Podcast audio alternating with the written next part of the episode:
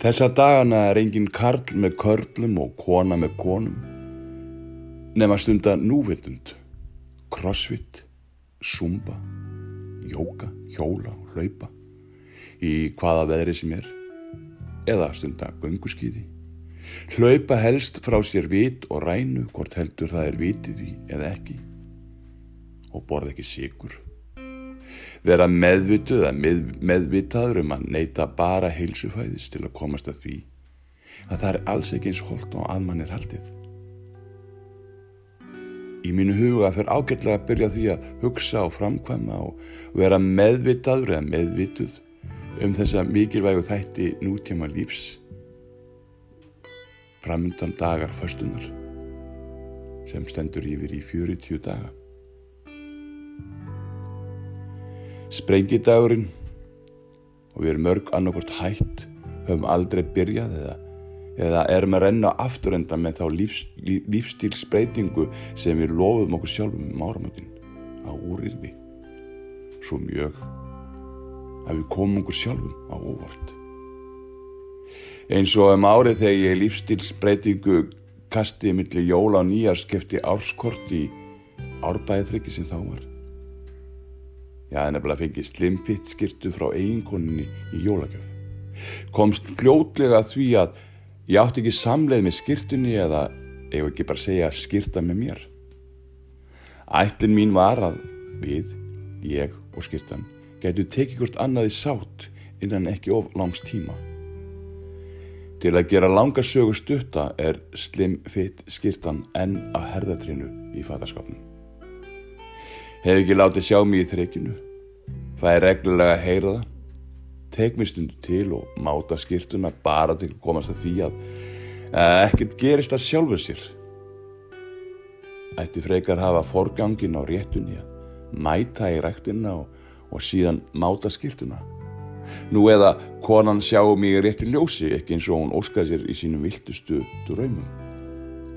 Hvað veit ég?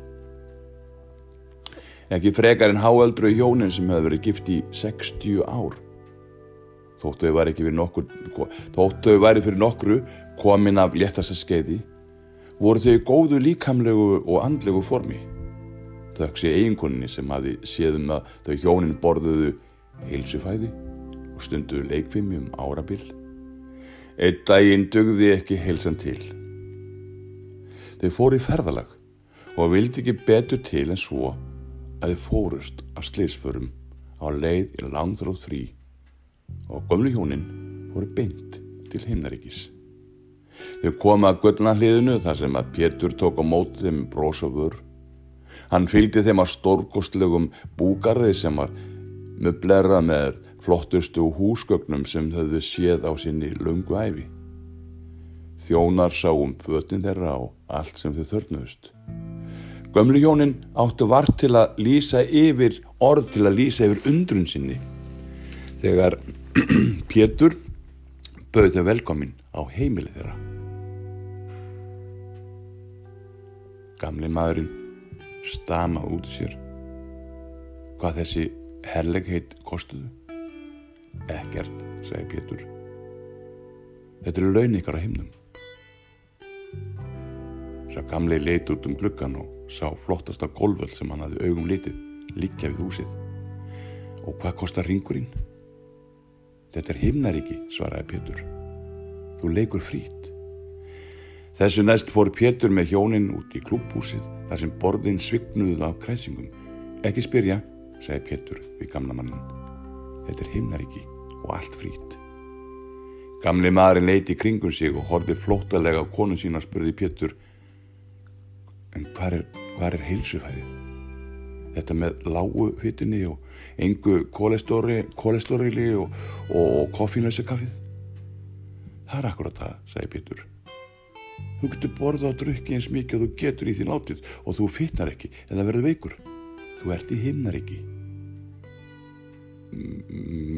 Me, meinaru stamaði gamle maðurinn út í sér.